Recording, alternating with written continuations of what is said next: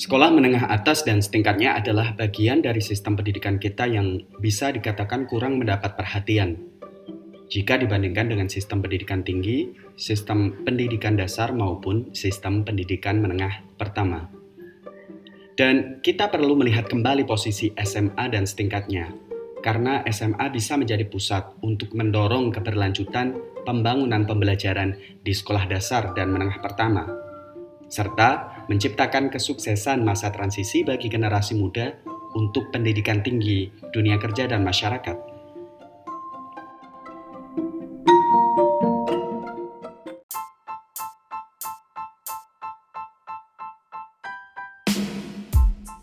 Selamat datang di Reimagine High School. Saya Anwari dan ini papan tulis.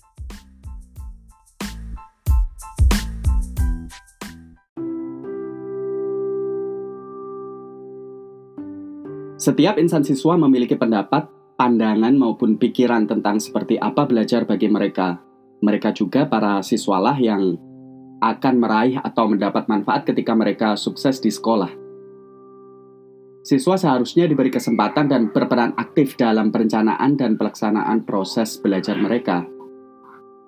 Ketika mereka mampu berperan aktif, maka mereka dapat berperan lebih dalam, membangun tanggung jawab untuk masa depan mereka.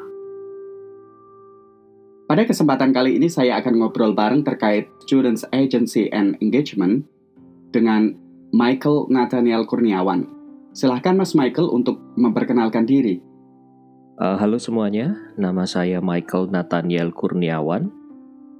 Saya adalah dosen uh, desain komunikasi visual di Universitas Ciputra, tetapi uh, saya bukan hanya sekedar dosen desain, saya juga sempat uh, menjadi tim kurikulum pengembangan entrepreneurship di Universitas Ciputra.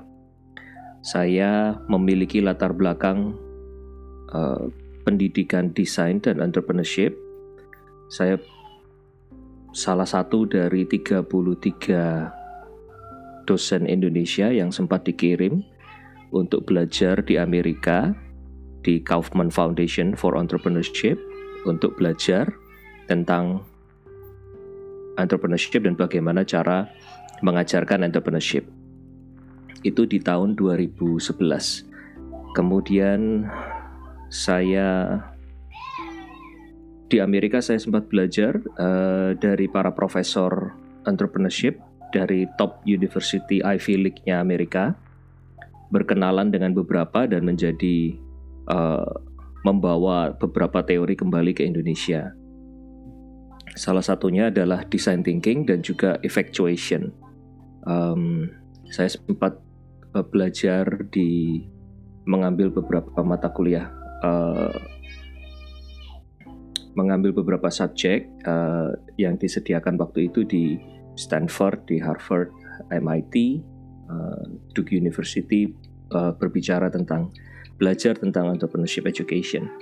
Kemudian saya juga S2 saya uh, saya mendapatkan beasiswa dari LPDP untuk belajar di Inggris di University College of London Institute of Education di mana saya belajar lebih dalam lagi mengenai pendidikan seni dan desain dan budaya yaitu mengeksplor potensi budaya untuk ekonomi kreatif melalui hubungan antara museum dengan pendidikan tinggi desain. Jadi uh, dari sejak saya mengajar tahun 2008 hingga sekarang, fokus saya ada di desain dan entrepreneurship dan juga ekonomi kreatif berbasis budaya. Pendidikan seni dan entrepreneur, dua bidang yang bisa kita tarik terkait student agency, terutama student voices. Untuk memulai, apa pemikiran utama tentang student agency? Oke, okay.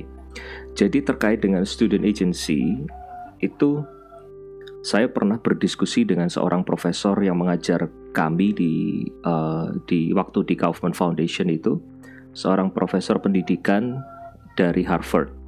Uh, mohon maaf saya lupa namanya, udah lama. Uh, kemudian saya diskusi melalui email.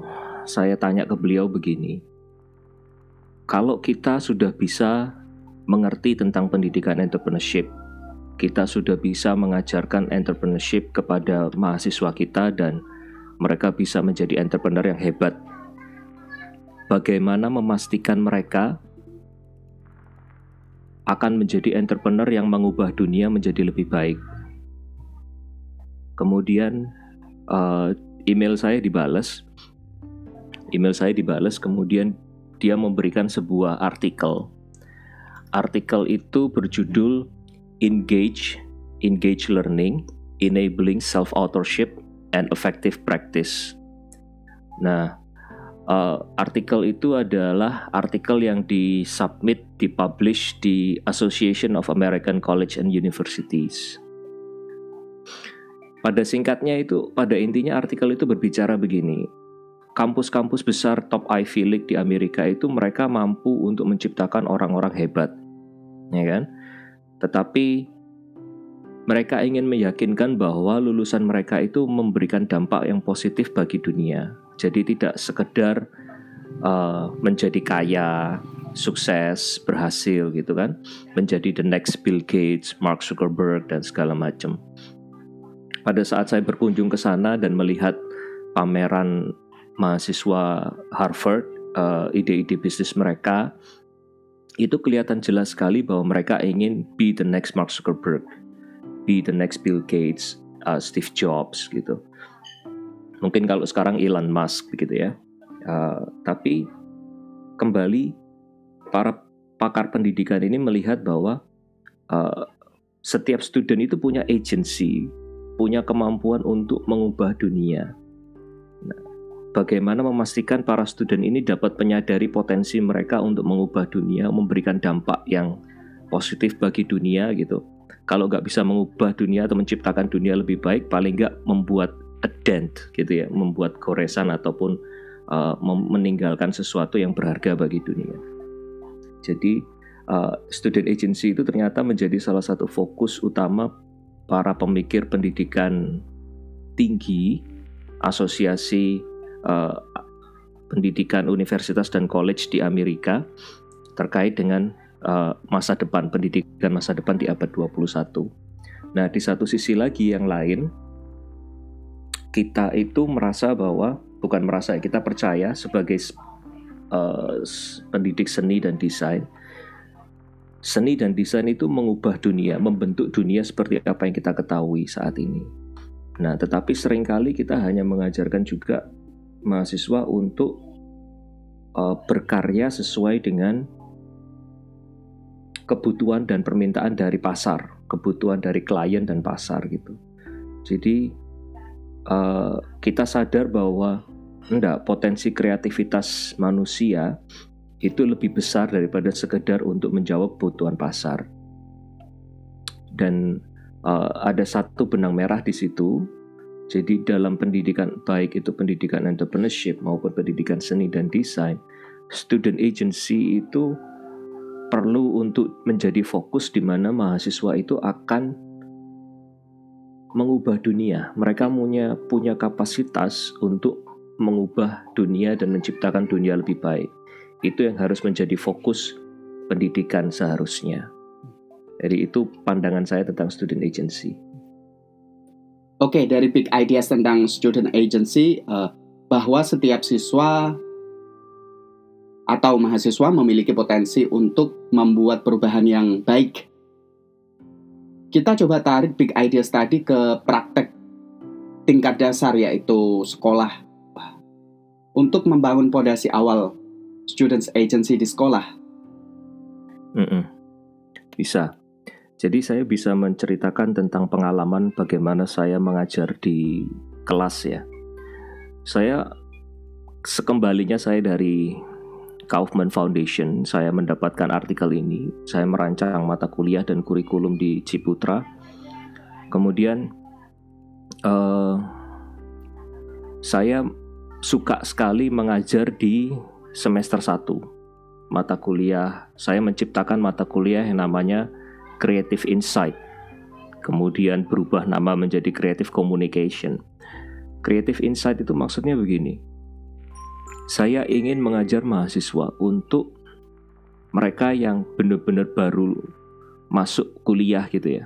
Yang sering kali merasa bahwa aku belum siapa-siapa, aku belum belajar apa-apa, aku belum bisa apa-apa. Jadi sistem pendidikan yang kita kenal itu sering kali seperti yang Paulo Freire bilang itu bahwa sistem deposit, sistem istilahnya memposisikan anak didik itu hanya sebagai penerima informasi dan pengetahuan gitu kan bahwa pemikiran di baliknya mereka itu belum belajar apa-apa, mereka belum bisa berbuat apa-apa, sehingga kita perlu mendidik mereka dan mengajar mereka sehingga mereka mampu ke depannya. Nah, itu sistem yang menurut saya cacat dan salah. Jadi saya suka sekali mengajar di semester 1 untuk membuktikan pada mem, tujuan saya mengajar atau menciptakan mata kuliah adalah begini buktikan pada saya bahwa kalian mampu mengubah dunia. Itu tujuan mata kuliah saya. Jadi di semester 1 saya meminta mahasiswa untuk buktikan pada saya bahwa kalian mampu untuk melakukan sesuatu yang berdampak positif bagi diri kalian dan bagi orang-orang di sekitar kalian. Itu tujuan utama perkuliahan saya. Dan kemudian uh, saya menerapkan apa yang di artikel Engage Learning itu uh, sarankan. Itu ada metodenya, ada metode per uh, satu dalam jenjang tinggi perguruan tinggi itu dibagi menjadi tiga, tiga bagian gitu. Secara singkat aja saya menerapkan mereka tapi dalam lingkup yang lebih kecil dalam siklus satu semester. Jadi apa yang harusnya terjadi selama empat tahun saya buat terjadi dalam satu semester di mata kuliah saya. Nah, pada akhirnya salah satu proyek yang saya saya ceritakan aja grassrootsnya ya. Jadi saya meminta mahasiswa untuk di akhir uh, dari pertengahan hingga ke akhir semester itu saya minta mereka untuk mendefinisikan sebuah problem yang ada dalam dunia real yang sangat melekat dalam hati mereka. Salah satu ada yang mengatakan problem bullying, ada yang mengatakan problem diskriminasi ras, ada uh, sara, kemudian ada yang berbicara tentang kemiskinan misalnya begitu. Dan itu berasal dari dalam hati mereka, istilah dari pengalaman mereka. Saya tanya, kenapa kamu ingin mengangkat tema bullying? Kenapa kamu ingin mengangkat tema kemiskinan segala macam? Kemudian dalam proses kreatif yang kita lakukan bersama-sama, saya minta mahasiswa untuk menciptakan solusi. Nah, kita gali kemudian solusinya seperti apa, problemnya secara spesifik seperti apa. Contohnya salah satunya tentang kemiskinan. Ada seorang anak itu yang kemudian bilang begini, saya memiliki uh, komunitas agama saya itu memiliki uh, tempat uh, pendidikan bagi anak-anak yang uh, miskin, anak-anak pemulung, anak-anak pemulung di tempat pembuangan sampah ak akhir gitu. Kemudian kita melihat, oke, okay, kemiskinan itu sebenarnya uh, apa sih? Kemiskinan itu uh, bagaimana cara mengatasinya? Kemudian dari diskusi mereka menemukan bahwa Kemiskinan adalah ketidakmampuan untuk melihat bahwa hidup mereka yang berada di tempat pembuangan sampah ini dapat lebih berarti di masa depan, bahwa hidup mereka itu tidak harus selalu terikat dengan kemiskinan, bahwa mereka bisa memiliki mimpi dan cita-cita yang besar di masa depan. Gitu. Oke, berarti itu solusi. Uh, problemnya terdefinisi, kemudian solusinya kita bisa pikirkan bagaimana caranya mengembangkan solusi untuk mereka yang sehari-harinya pemulung di tempat pembuangan sampah terakhir gitu. Kemudian mereka melihat bagaimana jika kita memanfaatkan tempat yang komunitas agama ini miliki di sana untuk mendidik mereka. Oke, pendidikan seperti apa yang mau kita berikan? Pendidikan bahasa Inggris. Kenapa lari ke bahasa Inggris? Karena dunia semakin menjadi global kemampuan untuk berbahasa Inggris, kemampuan untuk menggunakan internet, kemampuan untuk belajar dan mengerti dan melihat dunia secara lebih luas itu akan memberikan mereka mimpi yang besar untuk bisa keluar dari kemiskinan.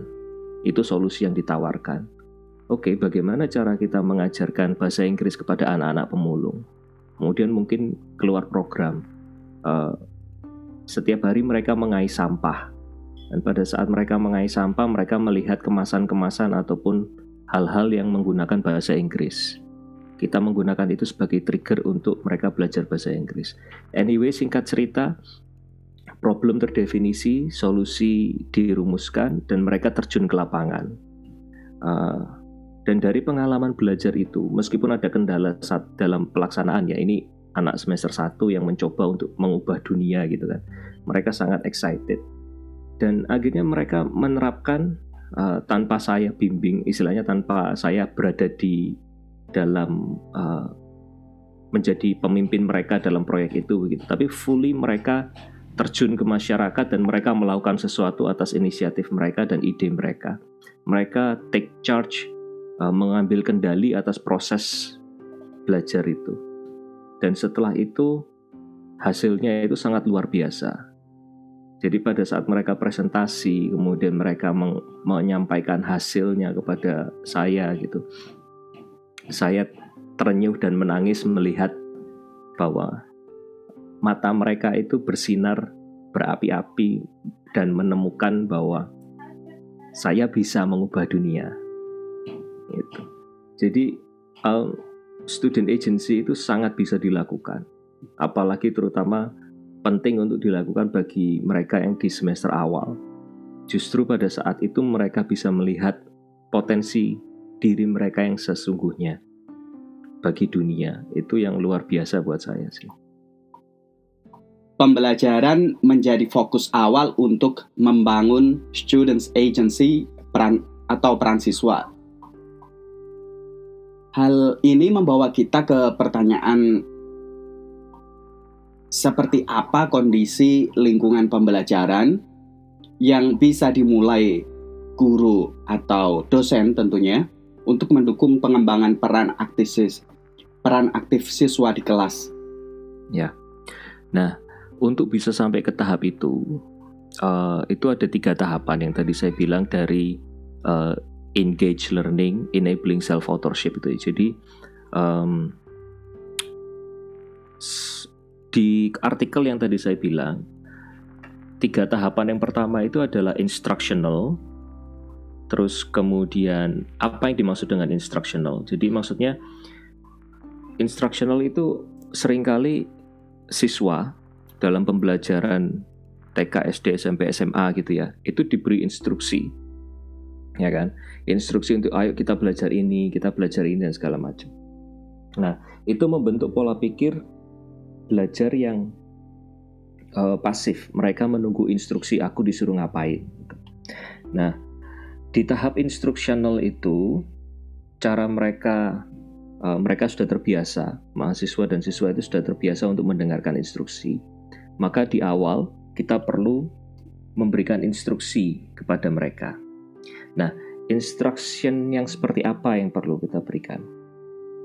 Satu dari dosen ataupun guru kita harus membongkar pemikiran kita bahwa siswa yang kita ajar ini belum tahu apa-apa itu harus kita bongkar.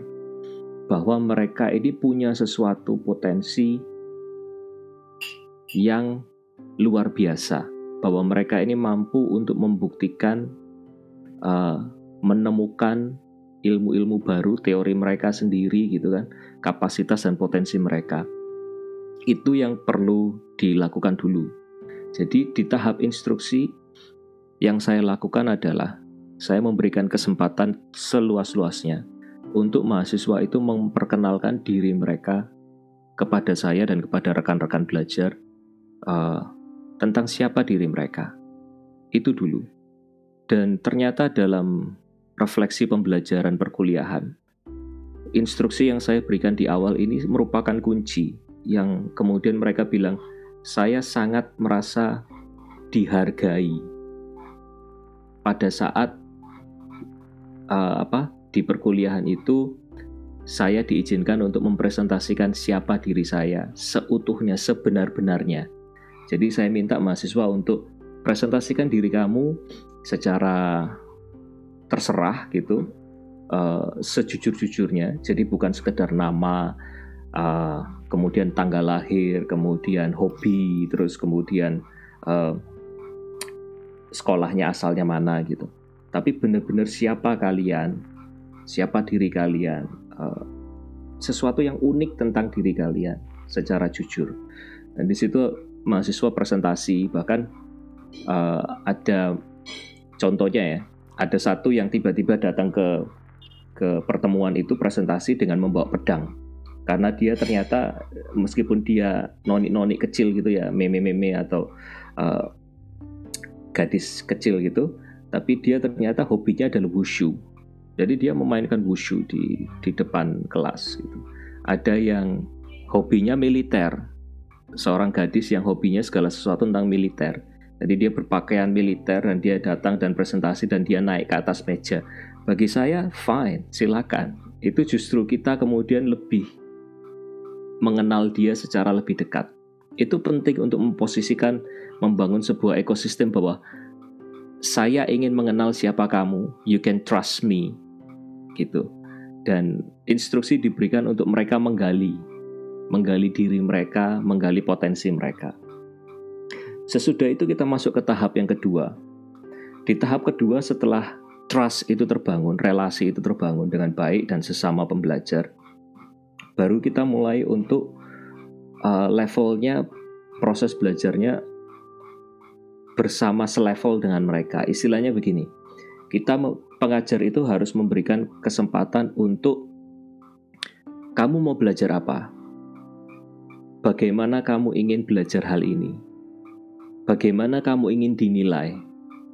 Jadi kita berdiskusi selevel bersama dengan mereka dan mendengarkan apa yang mereka uh, pendapat yang mereka miliki, ide dan gagasan yang mereka miliki, uh, memberikan ruang untuk mereka uh, percaya bahwa mereka itu dihargai dan mereka itu sudah menjadi uh, sanggup gitulah untuk untuk mengambil kendali atas pembelajaran proses belajar mereka.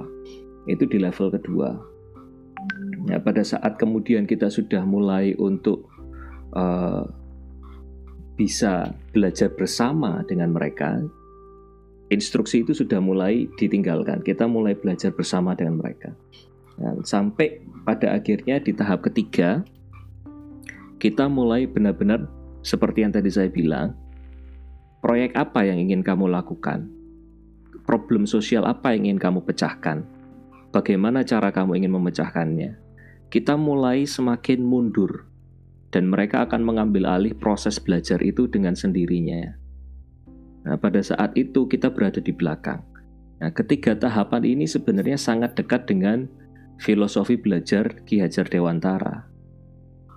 Ingarso sing tulodo jadi pada saat kita berada di depan dan mahasiswa atau siswa mengharapkan instruksi dari kita, kita memberikan contoh. Saya mempresentasikan diri saya, apa yang sudah saya lakukan, kemudian saya berharap mereka juga melakukan hal yang sama.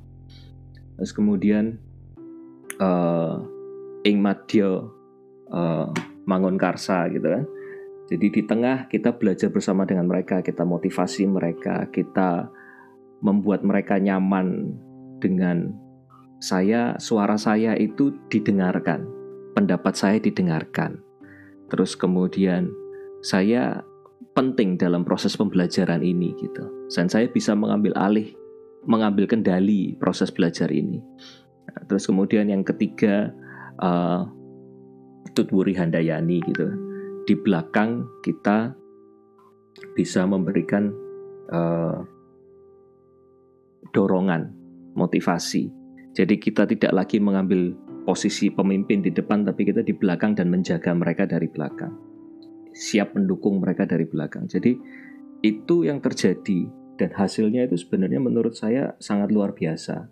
Mereka ada salah satu mahasiswa yang yang lulus dari mata kuliah ini dan saya sudah tidak bertemu mereka berapa tahun gitu Saya tidak mengajar mereka bertahun-tahun. Uh, saya studi kembali ke Inggris gitu. Dan setelah saya hanya sempat hadir di waktu wisuda mereka. Dan salah satu yang mahasiswa yang terbaik, mahasiswi yang terbaik dari angkatan itu uh, diberikan podium untuk sharing tentang proses mereka belajar di Universitas Ciputra. Dan dia bilang, proses belajar yang saya alami, yang dia alami di mata kuliah saya, itu mengubah hidupnya. Itu memberikan sebuah kesempatan bahwa uh, dia bisa mengenal potensi dirinya. Dan apa yang saya rancang itu ternyata berhasil dan begitu begitu mendalam di uh, anak didik saya. Jadi itu bisa dilakukan sebenarnya. Filosofi dari Ki Hajar Dewantara itu sesuatu yang luar biasa uh, dan bisa dipraktekkan bukan hanya sebagai slogan di dalam pendidikan, tetapi itu justru kunci dalam pendidikan untuk agency, membangun agency dan membangun uh, self authorship ini kalau dalam teorinya. Otonomi siswa menjadi penting ketika berbicara tentang upaya pengembangan students agency. Di lapangan sering kita temui pertanyaan atau hal-hal tentang batasan-batasan sejauh mana otonomi siswa itu berada di dalam proses pembelajaran. Hmm. Um, jadi begini, uh, proses belajar itu memang sebenarnya sesuatu yang alami, sesuatu yang kan kita selalu ngomongnya student centered learning gitu kan. Mm-hmm. Fokusnya, pusatnya adalah di siswanya. Tapi sering kali kita menyangkal itu dalam prakteknya. Kenapa? Karena kita berusaha sebagai pengajar, kita selalu berusaha untuk mengendalikan proses pembelajaran dengan alasan pertanggungjawaban kita terhadap proses pembelajaran. Menurut saya, uh, student centered learning itu perlu kita bongkar kembali, kita perlu pahami lebih dalam lagi proses belajarnya. Dan uh, Profesor Saraswati uh, Sarah Saraswati itu profesor dari Virginia University, Darden School of Business. Itu beliau yang menciptakan teori entrepreneurship namanya effectuation. Effectuation itu saya gabungkan ke dalam uh, engage learning itu self authorship karena dua-duanya itu berfokus kepada diri kita, diri student gitu ya, diri student dan potensi dari student itu sendiri. Nah, um, kendali seperti apa yang bisa kita lakukan dalam proses pembelajaran? Sebenarnya kalau waktu saya S2 itu ada satu artikel yang sangat bagus yang kita pelajari bersama. Itu artikel dari Gordon Byrne tentang University of Beauty, uh, Pointlessness and the University of Beauty. Itu dia pakar pendidikan seni dan desain, tetapi dia juga bukan murni seni dan desain sebenarnya, dia pakar pendidikan. Kemudian dia bilang begini, belajar itu seperti uh, berbagai sumber mata air yang ada di perbukitan atau di gunung-gunung gitu yang berbeda dan kemudian mereka mengalir menjadi satu dan bertemu di satu danau dan bercampur aduk. Semuanya itu uh, bisa dibayangkan ya. Jadi banyak sumber mata air yang kemudian turun ke dari hulu ke hilir gitu kan. Terus kemudian bertemu di satu danau dan semuanya itu bercampur di sana. Dan proses belajar itu sebenarnya juga tidak uh, ilmu itu tidak terlalu bisa kita kita kekang gitu. Kita tidak bisa kendalikan arusnya gitu. Jadi kita perlu sadari bahwa proses belajar itu sebenarnya kendalinya itu memang bukan murni di dosen atau gurunya tetapi memang harus bagaimana mahasiswa itu menavigasi proses belajar mereka dan mereka belajar dari ilmu yang sudah bercampur aduk seperti mata air tadi itu yang yang kemudian menjadi satu di danau itu. Dan mahasiswa dari satu posisi sudut pandang mereka belajar suatu hal dari kedalaman seperti apa, dari situasi yang seperti apa, dan bagaimana mereka bisa menavigasikan semua itu. Jadi proses belajar itu sebenarnya memang berada di studentnya, bukan di dosennya atau di gurunya. Yang kita bisa lakukan itu sebenarnya merancang semuanya itu sehingga proses belajar itu uh, aman untuk mereka istilahnya. Terus kemudian uh, proses belajar itu ya karena kita sekarang punya kurikulum, kita punya mata kuliah dan segala macamnya. Setidaknya kita bisa punya ang jangkar, kita bisa kaitkan itu kembali ke satu poin uh, ilmu yang kemudian mereka bisa kaitkan dan mereka bisa gunakan, mereka bisa kembangkan. Nah, satu lagi ya, itu itu poin tentang kendali. Bagi saya memang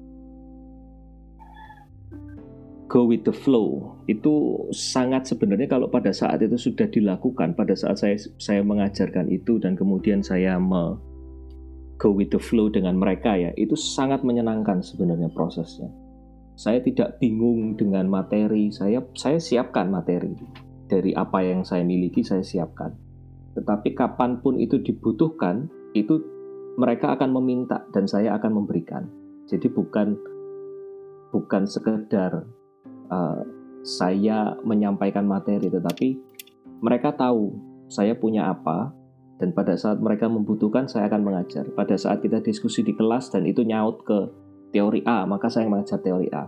Pada saat ada diskusi kemudian mereka menyampaikan sesuatu yang itu ternyata terkait dengan teori C, maka saya menyampaikan teori C. Jadi sangat dinamis dan itu sangat menarik sebenarnya. Um, sangat memerdekakan. Itu mungkin istilah yang yang yang saat ini lebih tepat ya maksudnya sangat memerdekakan proses belajarnya. Nah, dari tiga tahapan yang tadi saya jelaskan sebelumnya, itu saya belum menyebutkan tentang critical thinking. Maksudnya itu begini. Dari tiga tahapan yang terjadi itu ada perubahan critical thinking yang terjadi di mahasiswa. Pada saat tahapan instructional, itu mahasiswa itu kan menunggu instruksi dari guru, seorang pengajar. Nah, itu adalah tahap di mana mereka itu sudah terbiasa untuk secara tidak kritis menerima instruksi dari otoritas yang berada di luar mereka, otoritas eksternal mereka. Nah, itu di tahap instruksi itu kita harus sadari itu bahwa mereka itu sebenarnya belum kritis dalam menerima instruksi. Nah, kita gunakan instruksi itu untuk membangun kritikal mereka, untuk mereka menganalisa siapa saya sebagai pengajar, siapa diri mereka, siapa teman-teman di sekitar mereka, mengapa mereka belajar ini dan segala macam. Nah, itu mulai membangun voice mereka, mulai membangun kritikal mereka. Di tahap kedua, saat kita selevel bersama belajar dengan mahasiswa, itu sebenarnya kita memupuk critical thinking mereka untuk mereka bisa menggunakannya menganalisa otoritas dalam proses belajar. Nah, sering kali ya, yang saya temukan beberapa kali di mata kuliah yang saya ajar itu, saya menemukan mahasiswa yang sangat uh, stres. Jadi masuk jurusan itu sudah stres. Kemudian mulai dari gerak tubuhnya, cuaca panas tapi dia selalu pakai jaket misalnya begitu ya. Kemudian pada saat bicara itu selalu nada bicaranya pelan, lirik. Tapi pada saat saya berikan instruksi untuk kemudian siapa kamu? Kenapa kamu begini dan segala macam. Pada saat dia kemudian berani untuk presentasi di depan dan menyatakan suara dia yang sebenarnya, akhirnya dia ngomong, "Saya di sini bukan karena pilihan saya. Saya belajar di jurusan desain itu karena orang tua mengharuskan saya. Orang tua saya memiliki bisnis, dan dalam bisnis itu kakak saya akan memegang bagian manajemen. Kakak kedua memegang bagian IT. Kakak ketiga atau saya akhirnya memegang bagian desain dan marketing. Tapi mereka orang tua saya tidak bertanya apakah desain dan marketing ini sesuatu yang sesuai dengan jiwa saya atau passion saya. Dan sebenarnya memang bukan. Jadi saya bukan seorang desainer. Okay. Nah, maksud saya maksud saya begini. Akhirnya saya mengajak mereka untuk mengkritisi otoritas dalam kehidupan mereka itu siapa? Siapa yang mengendalikan kehidupan mereka?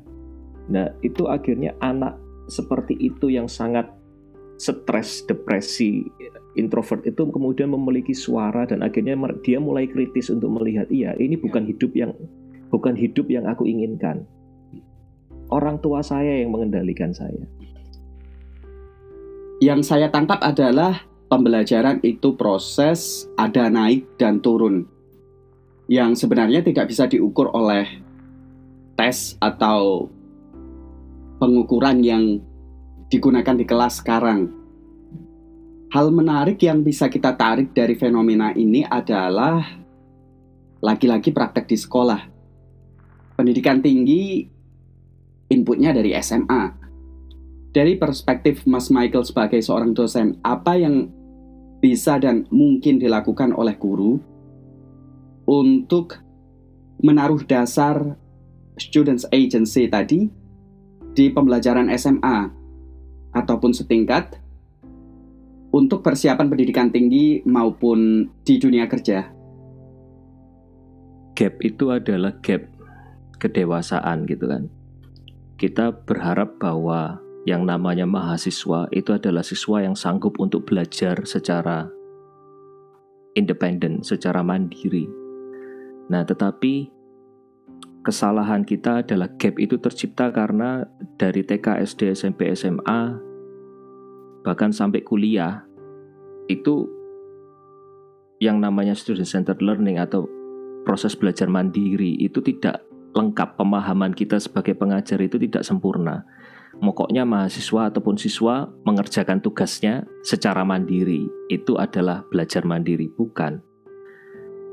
Jadi itu yang salah. Gap itu tercipta karena kita sebagai pengajar tidak membiarkan mereka bertumbuh dewasa dalam proses belajar mereka yang bisa kita lakukan, jadi itu problemnya ya. Yang bisa kita lakukan, ya harus uh, memberikan kesempatan untuk mereka bertumbuh mandiri, untuk mereka menemukan agensi mereka, untuk mereka bisa kritis terhadap siapa yang memegang kendali kehidupan mereka, untuk mereka bisa kemudian mengenal potensi diri mereka, siapa diri mereka, panggilan hidup lah kalau kalau itu sesuatu yang yang bisa dilakukan ya, itu sangat luar biasa gitu.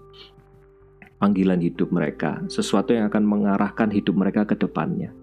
Nah, pada saat itu semua sudah kita bisa ciptakan dalam lingkungan pendidikan baik SMA maupun kuliah, maka semuanya akan menjadi lebih secara otomatis menjadi lebih student centered learning menjadi lebih uh, efisien dan efektif. Proses pembelajaran itu akan menjadi miliknya siswa itu. Nah, itulah yang perlu kita ciptakan dan yang yang yang bisa kita lakukan. Secara spesifik yang bisa kita lakukan satu topik dalam membangun critical thinking, satu praktis ya dalam membangun critical thinking adalah memberikan kesempatan untuk siswa itu bertanya tentang apa pun juga. Jadi kalau kita lihat Sir Ken Robinson dalam TED Talks-nya, dalam beberapa versi TED Talks-nya, Sir Ken Robinson pakar pendidikan gitu yang mengkritisi tentang bagaimana pendidikan itu membunuh kreativitas siswa. Salah satu caranya pendidikan membunuh kreativitas siswa adalah dengan tidak mengizinkan siswa itu bertanya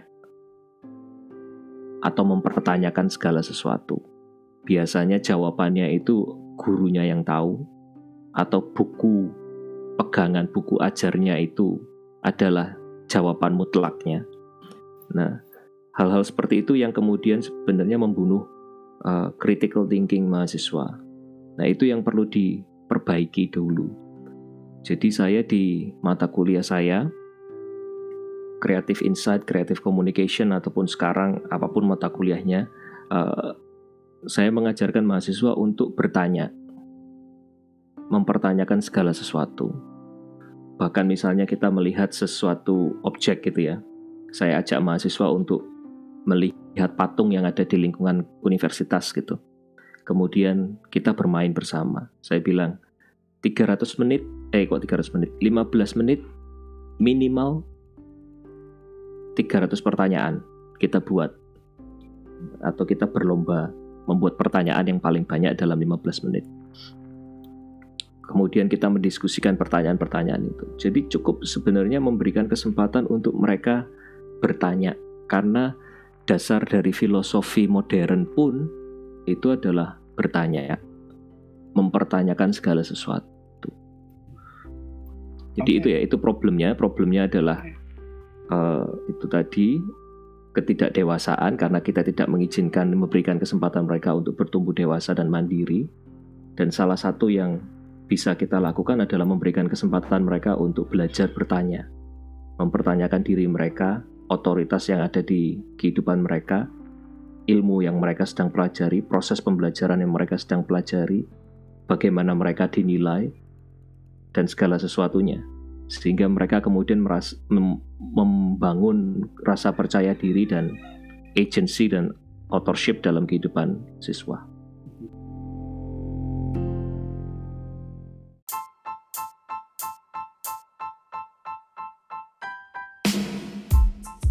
Terima kasih sudah mendengarkan Papan Tulis. Anda bisa mendengarkan episode-episode lain dari Papan Tulis di platform Spotify dan Apple Podcast dengan searching Papan Tulis. Sampai jumpa di episode selanjutnya.